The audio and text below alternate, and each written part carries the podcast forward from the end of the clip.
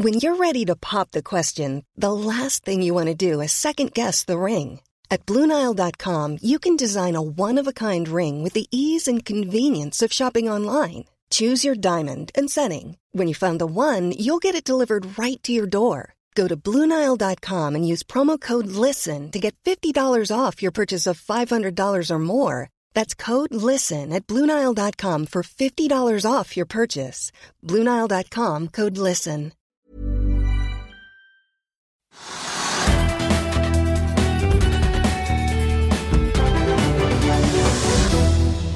Velkommen til Økonominyhetene mandag 15. november. Vi håper dere alle har hatt en fin helg. og I dagens sending skal vi få besøk av forvalter Thomas Nilsen. og Vi skal også snakke med både e-læringsselskapet Mintra, som har sluppet resultatene for tredje kvartal. Og vi skal snakke med den ferske styrelederen i Witzøe og Røkkes nye offshore oppdrettseventyr. Men først skal vi ta en titt på markedet. Hovedindeksen endte opp 0,08% i forrige uke og startet i minus i dag og har forsøkt, men uh, forgjeves å komme seg opp, får vi si, for den ligger nå så vidt i eh, minus, selv om den har vært og touchet inn i grønt territorium i løpet av ettermiddagen. Nordsjøoljen er ned 0,7% til 81 dollar og 30 cent, og er dermed et stykke under toppen vi så tidligere denne måneden på 85 dollar fatet i spotmarkedet. Rundt i Europa så er det stort sett Eh, grønt på de store indeksene, med unntak av eh, København og Storbritannia, som er eh, svakt ned. Wall Street ser vi nå på åpningen er opp 0,2 på Nasdaq Composite og ja, 0,34 på Dow Jones. På vinnerlisten i dag har vi selskaper som Arctic Science Technologies, Avance eh, Gas, eh, Norwegian, Sats og Kongsberg Automotive. Eh, vi får også nevne at plastgjenvinningsselskapet Agelix er opp nesten 10% Det skjer etter at Nordea markedsanalytiker Jørgen Bruaseth spår kursen kraftig opp, selv med litt konservative estimater, som han beskriver det som selv. En annen aksje som fortsetter å stige, får vi si, er Norske Skog, som er opp rundt 5% i dag, etter en oppgang på 6,5% på fredag. Pareto Securities uh, Kenneth Sivertsen uttalte til Finansavisen før helgen at uh, dette er det han mener er den mest åpenbart underprisede aksjen på Oslo Børs. Norske Skog uh, skal avholde kapitalmarkedsdag på torsdag i neste uke. På taperlisten i dag finner vi aksjer som Norsk Hydro, Aker Horizons, Rex Silicon og Golden Ocean. Annen, en annen aksje som er ned, er Yinhui Shipping, som til tross for en kraftig resultatvekst i tredje kvartal faller fordi at selskapet ikke kommer til å betale noe utbytte med det første, og det virker det som aksjonærene og investorene liker dårlig. Den aksjen er ned hele 11% Pyrum Innovation, som ble notert på Euronex Growth i slutten av september, eh, har skutt kraftig opp. Aksjen er eh, tatt med på den såkalte hotstock-listen til tyske der aksjonær. Og det virker eh, det som har satt fyr i aksjen. Aksjen har vært oppe, helt oppe i 1275 kroner i dag, men ligger nå opp Eh, rundt 3% til til 1000 kroner. Fredag var aksjen opp 29,3% Vi får også ta med at eh, mobilselskapet Ice stiger 3,4% etter lanseringen av en eh, ny heldigital mobilmerkevare de kaller Nice Mobil. Den skal rett og slett være basert på altså at du ikke trenger SIM-kort. Du skal rett og slett bare bruke det som heter eSIM. Det har vært brukt i noen typer smartklokker tidligere i eh, Norge, men har ikke vært tilbudt eh, bredt på mobil ettersom det ikke har fungert med bank-ID. Men det mener Ice de nå har eh, løst.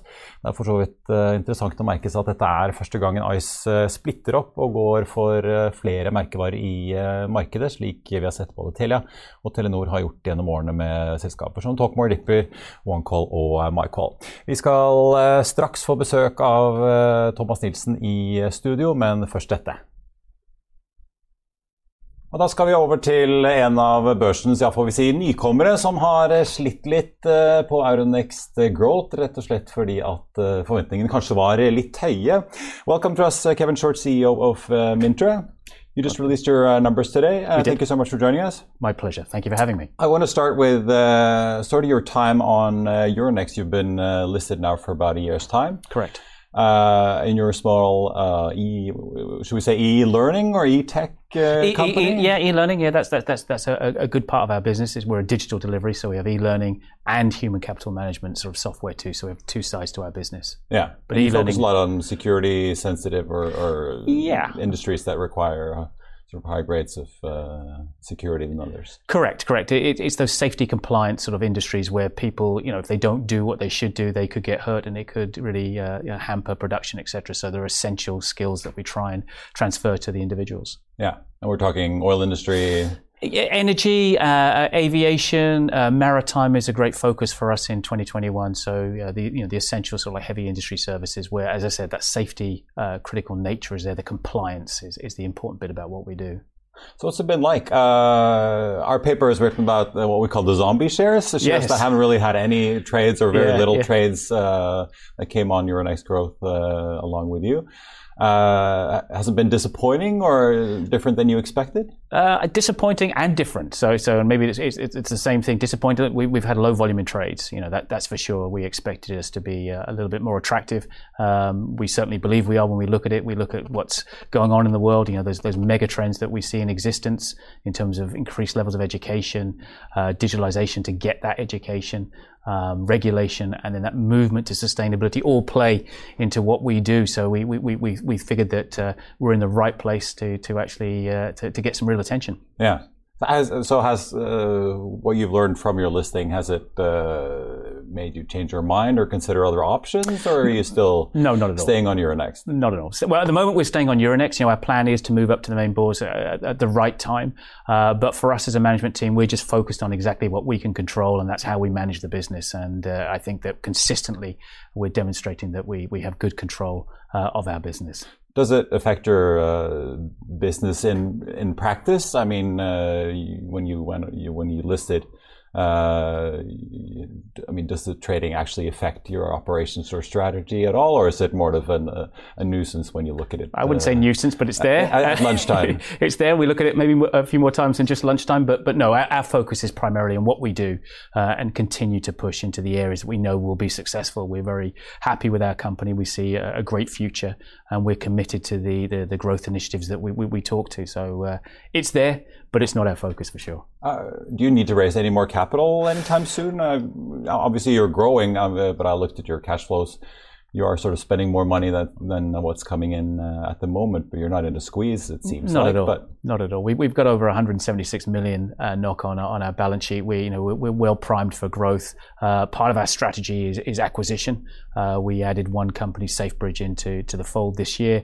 Our guidance is one or two every single year. So we, we have that that funding that gives us the ability to, to, to go and acquire. And also, uh, th- there's no shortage of, of funds that we could secure to actually um, to, to pursue that too. So no, we're, we're in good shape.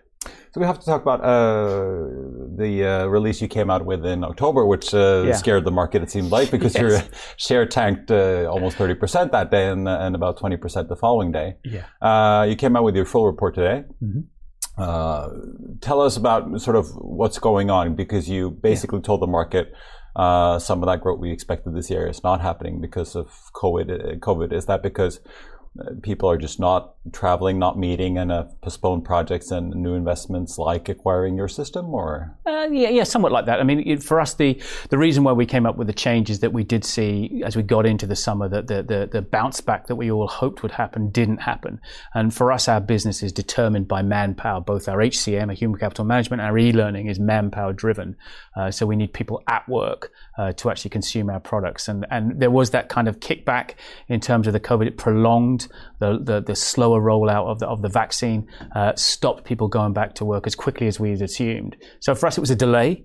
Uh, rather than we lost anything. Uh, and we're already seeing, as we look at quarter four, uh, we're seeing kind of like little seeds of, of, optimism as people are returning. And, and you know, our, our, Q3 results demonstrate for us that, you know, that we are a very stable company with good uh, revenue development and good EBITDA.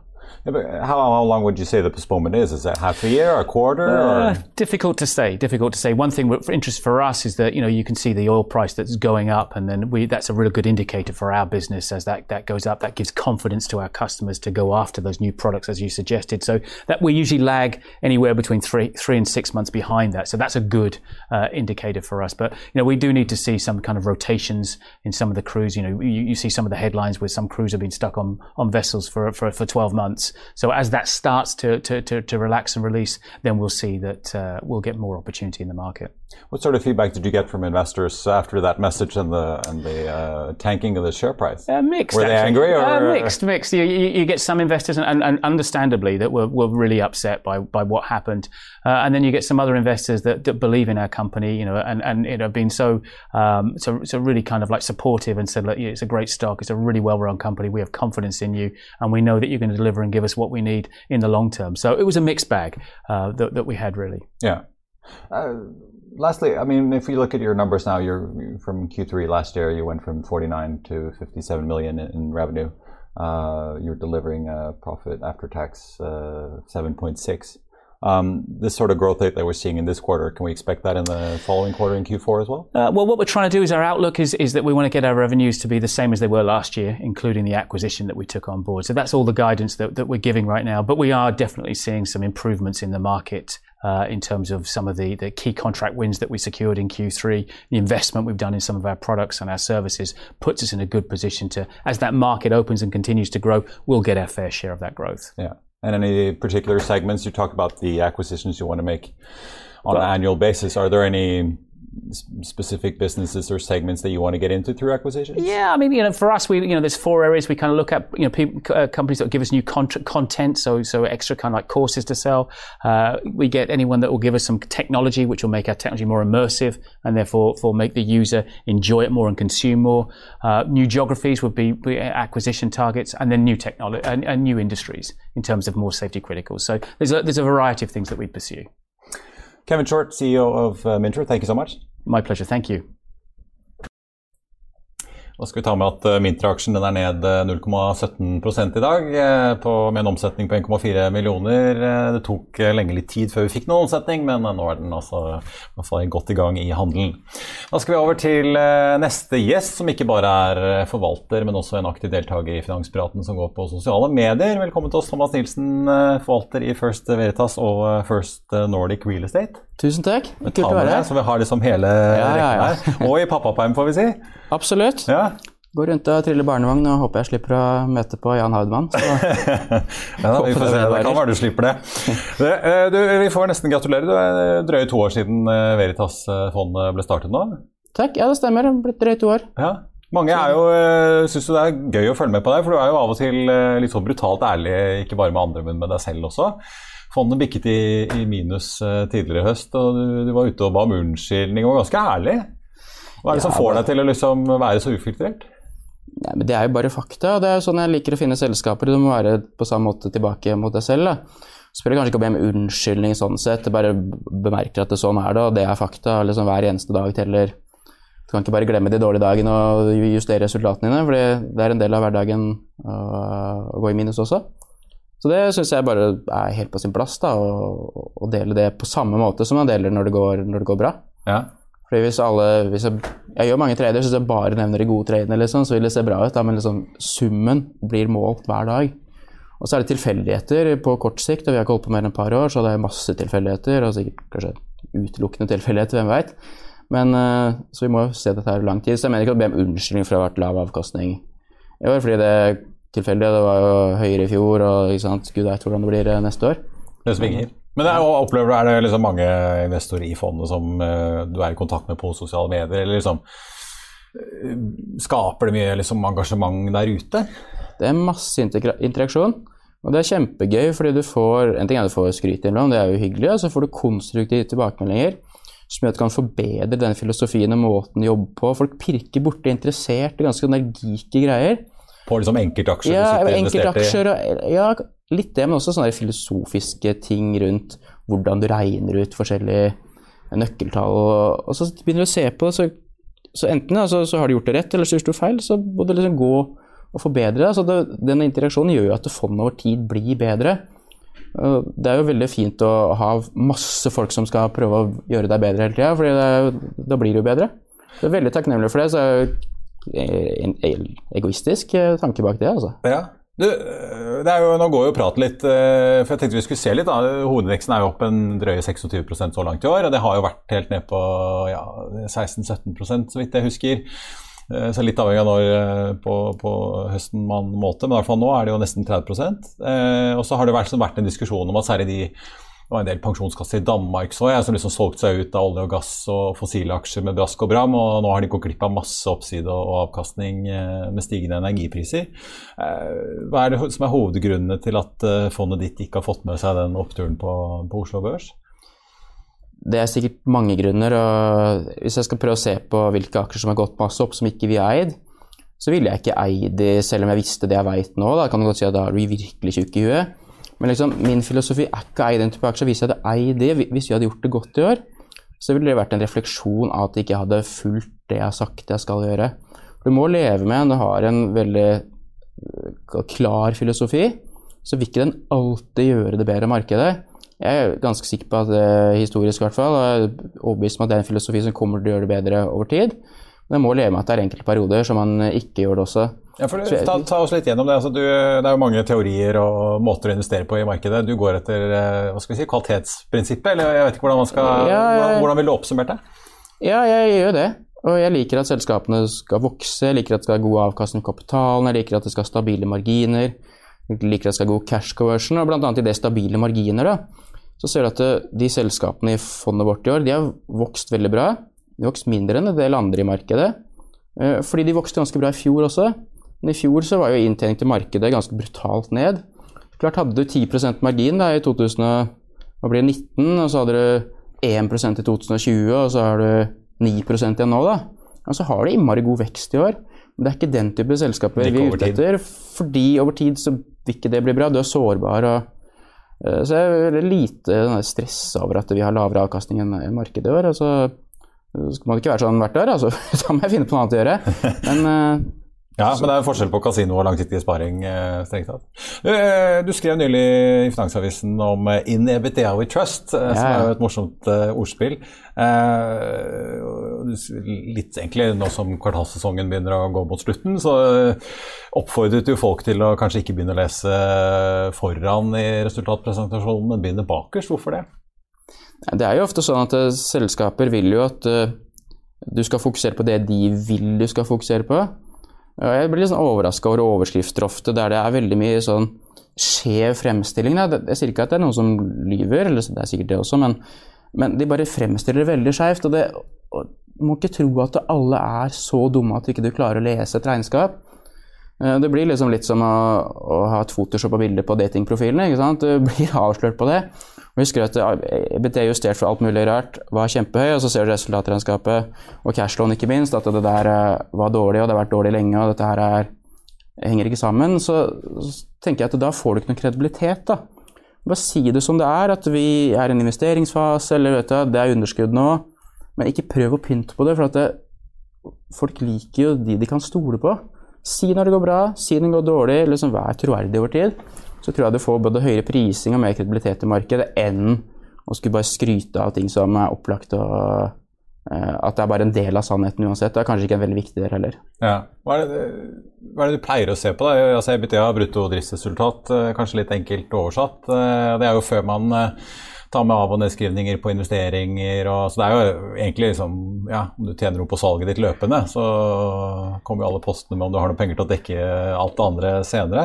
Ja, vi, vi ser jo til selskaper som tjener godt med penger. da, Jeg, jo, forvalter aksjefond, i aksjer, så er jeg er interessert i hva som kommer tilbake til meg. Før det kommer bort til meg, så skal vi betale skatt, vi skal betale rentekostnader i den grad selskapene gjelder, like helst at de ikke har gjeld i det hele tatt. Og skal du betale, du betaler ikke avskrivninger, men du betaler investeringer. Og avskrivning er en form for normaliserte investeringer, så du må jo betale det over tid også. Og vi er en del kapitallette selskap som ikke har så mye investeringer, men i den grad de har investeringer, så må de jo avskrive de, og det er ofte fair å bruke. da. Så jeg må se hva er det som kommer til meg, for det, det som kommer til meg, ligger da til grunn for både utbytte og kanskje de kan allokere til videre vekst eller tilbakekjøp eller andre ting som, som kommer meg til gode. Så det, det, er jo det jeg ser etter. Så kan enkeltkvartaler er veldig kort tid, så vi må se etter hvor lang tid. Jeg kjøper ingen aksjer som ikke har regnskapshistorikk tilbake eller som er minst tilbake til 2011. da. Ja, Så da har du, du har ikke kastet på Euronex Growth-bølgen av masse nye selskaper? da, med andre ord? Nei, og det, det kunne jo fortsatt vært et nytt selskap som eksisterte lenge før det kom børs. og Det, en, det finnes eksempler på det også, som, som, vi gjør. Men i det store hele så et snittselskap i fondet er fra 1977 eller noe sånt. Da, så det er jo relativt grei det er ikke døgnfluer, da. Nei. Vi har jo diskutert uh, prisingen av f.eks. Autostore, som var en kjempestor børsnotering her nå i høst. Uh, åpenbart et veldig imponerende selskap, uh, som har jo lagd noen veldig avanserte roboter, men de tjener jo ikke akkurat noen voldsomme summer. kastet du det på den IPO-en, eller? Nei, jeg gjorde ikke det, og det betyr ikke at det er noe, at ikke det kommer til å gå bra av den grunn. Fordi alle selskaper, også de som vi har investert i, var jo nye en gang. Autostore og eksisterte en god stund, og Amazon også tapte jo penger en lang stund, selv om det var en god investering. Så Outstore har ikke klart å finne god nok, eller finne grunn nok historikk på det, men ellers hadde det ikke vært noe i veien for at vi kunne gjort det, uh, gitt at jeg har hatt den historien på det. Men det blir liksom litt klønete når du må begynne altfor mye på sånn proff.no sånn for å finne, finne tall. Så da blir det liksom ikke den lav, lavthengende frukt i hvert fall. da. Eh, før du kom hit, så nevnte, sendte du av gårde tre aksjer som du eh, kunne tenke deg å prate litt om. Eh, en av dem er meglerhuset ABG, som for de som ikke visste jo, er jo børsnotert, de også. Så det er ikke bare det at de hoster opp og hjelper folk å komme på børs, de er børsnotert selv. den aksjen har jo gått fem, altså, uten utbytte 51% med utbytte 65% i år. Det er ganske saftig. Ja, uh, så er vi jo de fleste gjestene dine er sikkert her for å snakke litt om sine syke mødre. Sånn er det jo. Mange som gjør det. Ja, ja. Men jeg, jeg, jeg, det er mange ting jeg skjønner, Marius. En av de er jo hvorfor det er si, så få som eier ABG. Så er det teit å si, for han er jo 100 alle aksjene der er jo eid også. Du kjenner igjen Det er så få av de du skulle gjette likte aksjer som hadde vekst i både inntjening og salg, de hadde god marginstabilitet Veldig god avkast på kapitalen.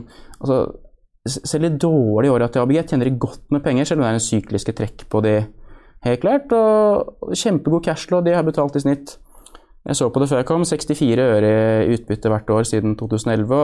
Og det ser ut til at det kan bli enda mer eh, framover. Jeg kan ikke spå noe som helst, men hvis du prøver å se litt sånn strukturen på hvor mange kunder de har nå, Altså hvor mange nye selskaper det er kommet på børs, ikke bare i Norge, men også i Sverige og resten av Norden.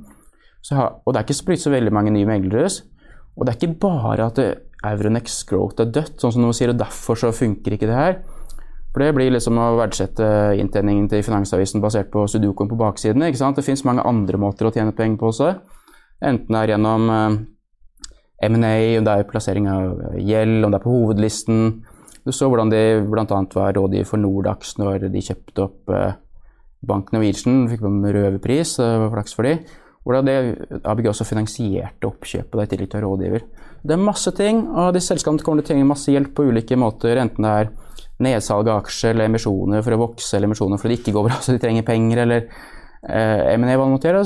Jeg tror bare liksom, jeg, jeg, tror ikke jeg kan spå, da, men med en pistol mot hodet så gjette at fremtiden ser ganske ok ut for det også. Og så er det P på, på 5,5 eller noe sånt. Ja. Så jeg begriper er sjelden lavt i dagens eh, børsmarked. Ja, så spurte jeg en forvalter i et konkurrerende eh, forvalterhus uh, hvorfor de ikke eier den. Og så svarte han at ja, men det er, en, det er en leverandør til oss. Så han følte det var ubehagelig å skulle eie den fordi de var en leverandør. Og det, det kjenner ikke jeg meg helt, helt igjen i. da. Jeg eier aksjer i Pandora, men jeg må kunne gå og kjøpe julegave til dama for det, liksom. Fordi sånn er det jo, du må kunne kjøpe de aksjene som er det. Men det, det er kanskje derfor den er så billig, da, for det er mange som ikke Eller Telenor og ha mobilt bredbånd fra samme ja, just selskap. eh, Olav Thon da, de har jo ikke gjort det spesielt eh, bra i år, eiendomsselskapet? De har gjort det ok over tid, men det er jo den aksjen som skiller seg ut som den helt klart lavest prisa, uansett hvordan du ser på det eh, av alle eiendomsselskaper, og spesielt hvis du ser retta mot uh, Sverige, der de har fått ganske bra prising på en på en del så skulle jeg ønske at aksjonærvennlig er feil ord, men at de kanskje var litt mer smarte når de først er i kapitalmarkedet. Og skal de bruke masse penger på å kjøpe nye si, kjøpesentre eller nye bygge med ny kost, da, når den da er, som de sier, på for noe tilsvarende 330 kroner per aksje, og så handler de sjøl på 200, da. Eh, og ser du i forhold til inntjening, så er det jo enda mer attraktivt. Så jeg skulle ønske de ville kjøpe tilbake aksjer. Ja, det ville vært en veldig fornuftig eh, kapitalallokering. Så jeg håper at vi kan lage en sånn demonstrasjon utafor der og få, ja, bare trykke på knappen. Du kjøper inn fakler? Hva sa du? Du kjøper inn fakler? Ja, ja jeg kjøper fakler. da blir det, det blir eh, fakkeltog. Det siste er jo eh, Bouvet. Jeg så Sparebank1 Markets-analytiker eh, Petter Kongsli var ute og tråkk litt i bremsen etter den kraftige oppgangen som har vært. Hva er det du har bitt deg merke i på, på dette IT-selskapet? Jeg trakk litt sånn fram den fordi litt sånn tematisk årsak. At man må huske på at avkastning kommer veldig ujevnt i, i mange aksjer. Og når vi starta året, så var den ca. 70 kroner. Og så falt den ned i tror jeg var 57 eller noe sånt. Uten at egentlig noe hadde skjedd. Og så har den gått opp til ikke, 77 eller noe sånt. da. Jeg skjønner ikke hva som er skjedd. De bygger verdier hver eneste dag. Kjempeflinke, ansetter folk. Fakturerer bra marked, bra selskap. Alt er bra. Og så bare går aksjekursen sånn her for det. Og da må man liksom bare ikke la seg syke ut, da. Det var jo flere som snakka negativt om Bouvet når den liksom var på vei ned og var nede. og og nå har det liksom plutselig blitt bra. Jeg har sett det er flere som har oppgradert kursmålene. Jeg skjønner egentlig jeg skjønner ikke hva som var så spesielt med Q3. Jo, det var bra, men det, det, det var jo det forrige og det før det. Og de, og de, der 40, de 80 kvartalene før det, da, eller fra de var børsnotert i 2007. ikke sant? Så man må liksom bare Det er mer sånn Jeg, jeg er positiv til Bouvet på alle måter, og superbra selskap, men det var mer sånn tematisk. Man kan la seg syke ut fordi aksjekursen går kjemping på kort tid. Så kan den gå være ørkenvandring i år i mellomtida. Så bare holde ut. Ja. Du, Apropos til slutt, eh, du nevnte jo PE eh, på Ola Thon, mm. som er jo relativt sett ganske lav i forhold til hva den er i mange andre aksjer. Når du ser den der kjempeoppgangen som har vært uh, siden knekken uh, på det verste under pandemien i fjor, uh, kombinert med all den praten om økte renter og Nå er det jo kanskje ikke akkurat Norges Banks renteøkninger som er det markedet følger mest med på, men hva som skjer i Washington. tenker du liksom at vi står overfor en korreksjon, eller at ting kan falle tilbake, eller hvor, hvordan reflekterer du rundt det? Det er mange ting jeg har skjønt jeg ikke kan, og det der er jo definitivt en av de. Om det kommer en korreksjon, og når den eventuelt skal komme, om markedet skal opp ned på kort sikt, det er ingen idé. Nei. Jeg aner ikke hvor rentene skal, aner ikke hvor markedet skal, veit ingenting. Du holder deg til å plukke aksjer i fondet? Vi skal ha gode aksjer, de gjør det bra over tid. og Så enkelt og så vanskelig er det. Hold ut. Thomas Nilsen i First Fondet, takk skal du ha. Takk for at vi fikk komme. It's that time of the year. Your vacation is coming up. You can already hear the beach waves, feel the warm breeze, relax, and think about work. You really, really want it all to work out while you're away. Monday.com gives you and the team that peace of mind. When all work is on one platform and everyone's in sync, things just flow wherever you are. Tap the banner to go to Monday.com.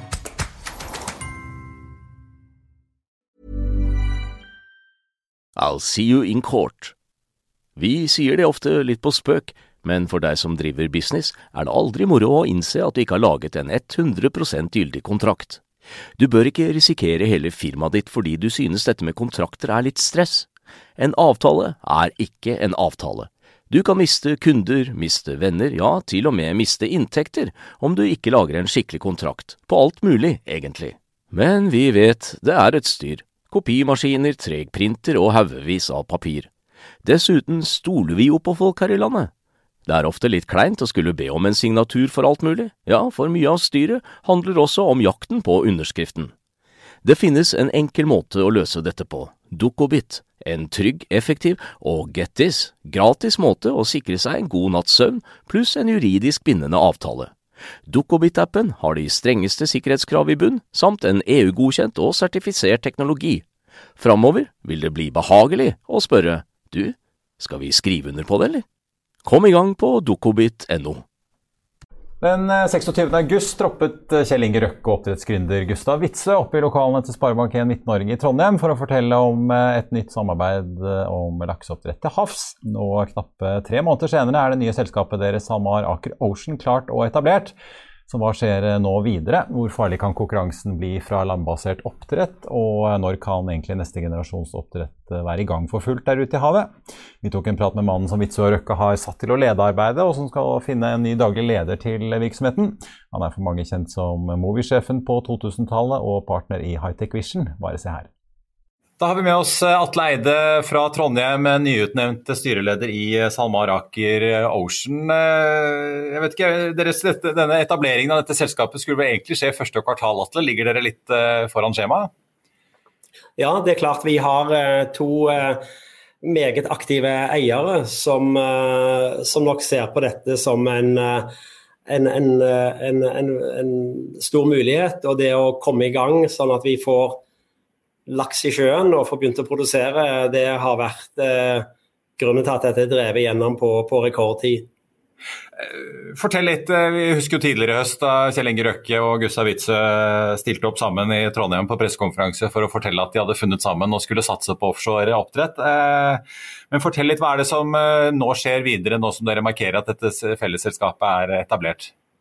Ja, du kan si Bakgrunnen for dette selskapet og dette, eller dette eierskapet er jo at vi ønsker å ta havet i bruk for å, for å drive oppdrett av laks. Vi har eh, begrensa vekstmuligheter langs kysten, tett på kysten. Eh, og da må vi bygge på mange måter en helt ny industri. Og, og erkjennelsen til SalMar-siden med Gustav Witzøe i spissen var at eh, da må vi ha tilgang på den andre store kompetansen som er i Norge, nemlig offshore. Og det som er utvikla gjennom olje og gass. Og, og, og, det er årsaken til at vi Eh, både tok kontakt med Aker-systemet, eh, og så har vi akselerert det fram til denne closingen i dag. Ja, for, si litt, altså, for de som har fulgt SalMar, har jo sett at de har jo eh, holdt på med denne store Ocean Farm One, et enorme offshore oppdrettsanlegget som de fikk bygget på et verft i Kina som ble tauet, tauet hit. Hvor langt er arbeidet rent sånn teknologisk eh, kommet nå? Når er det man faktisk kan begynne å se at dette blir en, eh, ja, hva skal man si, en ordinær del av oppdrettsnæringen? Du kan si Ocean Farm 1, som man kaller den, har jo vært en, en ubetinget suksess. Det viste jo at uh, vi klarer å beherske oppdrett i, innenfor store konstruksjoner med store fiskemengder med gode biologiske resultater. Samtidig så har det vist at teknologien trenger videreutvikling. Vi hadde jo dessverre et par mindre rømminger. Eh, sånn at nå har vi utvikla Ocean Farm, eh, som vi kaller for MK2. Eh, som er en videreutvikling noe større og veldig mye eh, endra i konstruksjonen med hensyn til bl.a. med doble barrierer mot rømming. Eh, og tatt med hele erfaringen fra, fra Ocean Farm 1. Og den eh, går nå eh, Aker Solution i gang med å gjøre findesign, og planen er å sette den i bygging i eh, høsten 22. Eh, samtidig så jobber vi med denne som kalles for Smart Fish Farm, som da skal ligge eh, virkelig offshore, altså ca. 50 nautiske mil fra norskekysten. Så de to prosjektene har det vært investert veldig mye ressurser i. og der kommer nå Aker-konsernet i sin fulle bredde inn for å finpusse den teknologien. Eh, og å bruke det som Aker har lært gjennom å bygge for andre oppdrettere. Ja, for Dere ser jo her at eh, det vil pågå en industrialisering eh, ja, kanskje de neste pluss-minus ni årene frem til 2030, og at man deretter vil begynne å se at dette er en, en, et segment i, i bransjen hva ser dere nå på kostnadsnivå? da? Vi ser jo selskaper som eh, jobber hardt for å en måte eh, få til oppdrett på land, særlig da nære kundene i USA eller andre deler av eh, verden. Eh, tror dere at dere klarer å holde dette konkurransedyktig når dere tross alt da også må frakte dette fra produksjonen offshore enten i Canada, Skottland eller Norge? Ut fra de resultatene vi har fra Ocean Farm 1, eh, hvor vi har produsert eh, drøye 10 000 tonn, så peker alt i retning for at vi skal få en veldig kostnadseffektiv produksjon på nivå med det som vi ser blant de beste tradisjonelle oppdrettere i Norge. Og altså, hvis vi lykkes med det i fortsettelsen, vesentlig lavere enn de indikasjonene vi ser på landbasert oppdrett. Og så er vi jo opptatt av at dette eh, vil jo være oppdrett i det som vi kaller for laksens naturlige habitat, altså det der ute i havet laksen trives, det er derfor han kommer. Eh, og så er jo planen etter hvert som vi nå gjennom de neste årene lykkes i Norge, at vi òg kan drive oppdrett av eh, dette slaget nærmere markedene, som f.eks. i USA. Vi har en aktiv dialog med amerikanske myndigheter og kanadiske myndigheter for å kartlegge mulighetene for å ligge særlig utenfor Canadas eh, østkyst. Sånn at vi ser over, over, tid så vil dette være en virksomhet som vi bygger opp eh, basert på norsk kompetanse, norsk ingeniørkunst, norske verft. Og så vil vi gradvis, men da ligger vi ganske mange år i, fram i tiden, kunne eksportere denne teknologien til andre markeder. Ja, Så i første omgang skal dette ikke bygges i Kina neste gang, men bygges i Norge? Det er planen, og vi tror det er en viktig del av si, samfunnskontrakten vår. At vi bruker både norske ingeniører, og at vi får benytta eh, sånn som det kan være kverner på Verdal, det kan være eh, sto, store enheter på Helgelandskysten. Sånn at vi, vi, vi får på en måte òg skapt økt sysselsetting. Og så er det jo betydelig erfaring fra norsk oljebransje at selv om den initielle prisen med å bygge i Kina gjerne er lav, så er det ikke alltid sluttprisen eh, er så lav når alt er ferdig levert og anker opp. Så vi, vi har tro på den, det la oss si, samvirket med norsk industri er det som kan bidra til en suksess her. Eh, nå skal du i tillegg eh, selvfølgelig ha jobben med å finne en, en daglig leder til eh, dette selskapet nå fremover, nå som Olav Andreas, Olav Andreas Ervik skal slutte til, til, våren, som det ble meldt om, av familiære årsaker.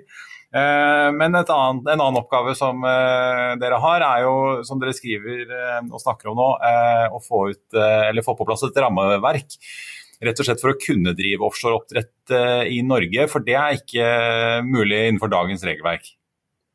Ja, det er, det er riktig. Og, og, vi har jo hatt en, en tett dialog med eh, myndigheter på forskjellige nivå gjennom erfaringen med uh, Ocean Farm 1.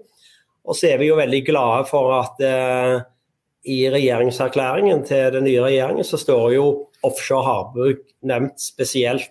At det er noe som regjeringen satser på.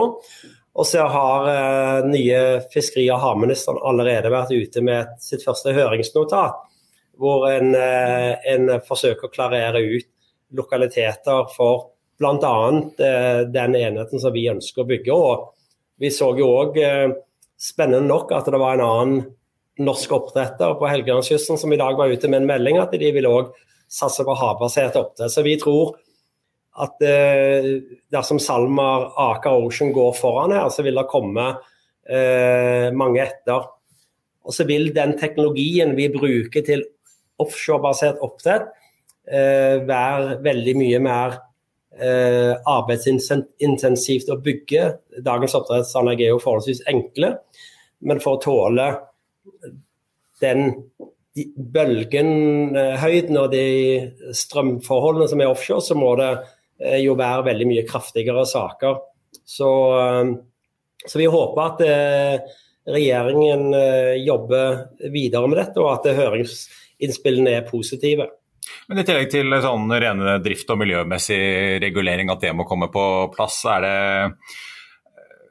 er det noen sånne endringer i skattesystemet dere er avhengig av for å få dette til å gå? Det har jo vært mye diskusjon om grunnrenteskatt i oppdrett. Det ser jo ikke ut til at det blir noe av. Men eh, trenger dere noen andre tilpasninger utover dagens eh, skattesystem?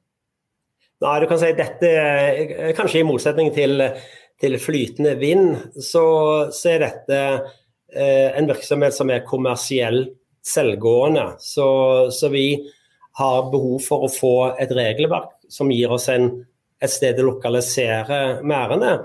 Eh, ellers så klarer vi oss sjøl. Eh, og så er det jo eh, eh, sånn uten å starte en skattedebatt, men, men, fordi vi har hatt et skatteregime som har gjort det mulig for f.eks. Salmer å bygge opp en betydelig egenkapital, så klarer vi å, å, å, å bidra til å gjøre denne typen løft. Eh, så, så først og fremst et reguleringsregime for å få lov til å legge disse enhetene. Og Der, der er det jo mange interessehavere. Du har olje, du har eh, vind, du har fiskerier. og De har vi brukt ganske lang tid på å forsøke å etablere gode relasjoner til.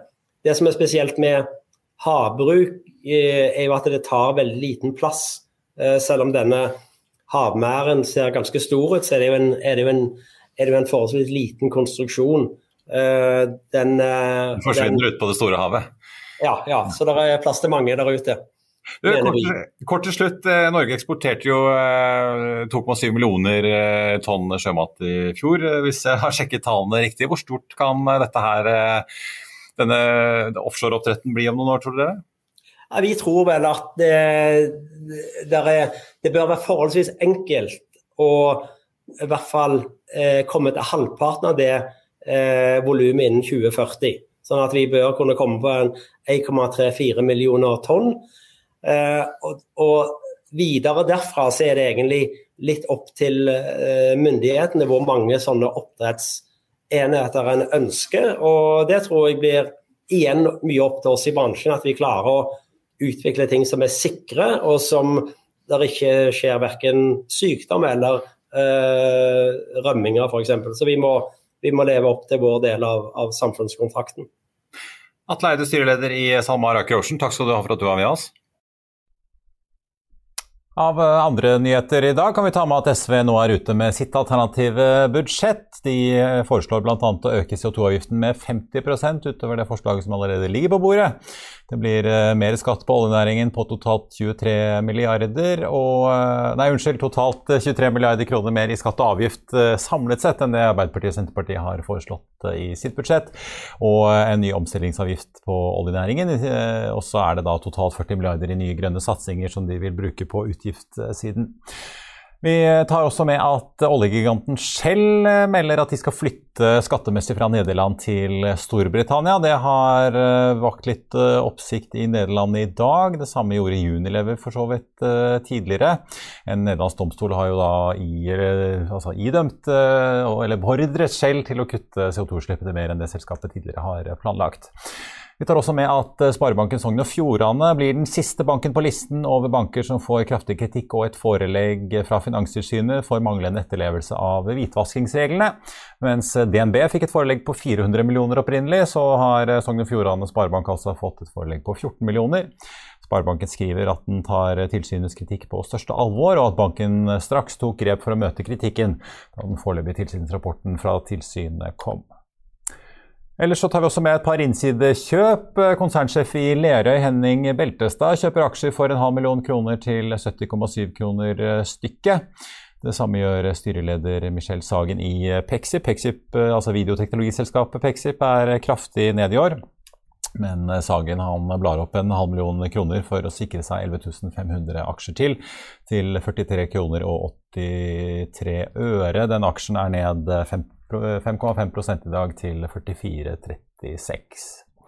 Jon Fredriksen hopper på den grønne bølgen og skal ifølge Dagens Næringsliv hente 250 millioner dollar, eller eh, rundt 2,2 milliarder kroner, for å kjøpe opp selskaper innen energiomstilling. Han vil gå på børs med denne satsingen via et skallselskap i New York, melder avisen, og dette skal ledes av hans nære medarbeider Gunnar Eliassen. Fredriksen gikk nylig inn på eiersiden i havvindservice-rederiet Edda Vind. Da skal vi ta en titt på Wall Street nå som eh, handelen har kommet litt i gang. Den oppturen som vi så helt fra start har eh, forsvunnet lite grann. Dow Jones er nå opp 0,2% mens Nasdaq Composite ligger ja, så å si på null, opp 0,2% SMP 500 er opp 0,12 Ellers så ser vi også at hovedindeksen her hjemme også har mistet litt fart. Det var jo så vidt i grønt territorium etter lunsj i dag, men nå er hovedindeksen ned 0,29% og selv om Equinor er opp 1 eh, så er det ganske rødt ellers på listen nedover over de mest eh, omsatte aksjene. Vi tar med oss at, eh, at Pexip nå er ned 6,4% Mintra Holding, som vi hadde besøk av tidligere i dag, er ned 1% mens mobilselskapet Ice er opp 2,3% fortsatt. I Finansavisen i morgen kan du lese Trygve Hegnars leder om at de fattige nå mister bussen, og den onde spiralen som kollektivtrafikken er inne i etter pandemien. Du kan lese et debattinnlegg om elbilsubsidier, og hvor langt Volvo mener dere XC40 må kjøre før elbilvarianten av modellen er grønnere enn den fossile. Du kan også lese om Nordea Markets, som jekker opp rentebanen og tror på en renteøkning til før vi ser 2024. Det var det vi hadde for i dag, men vi er tilbake i morgen klokken 15.30. Takk for at du så på, og så håper jeg vi ses igjen da.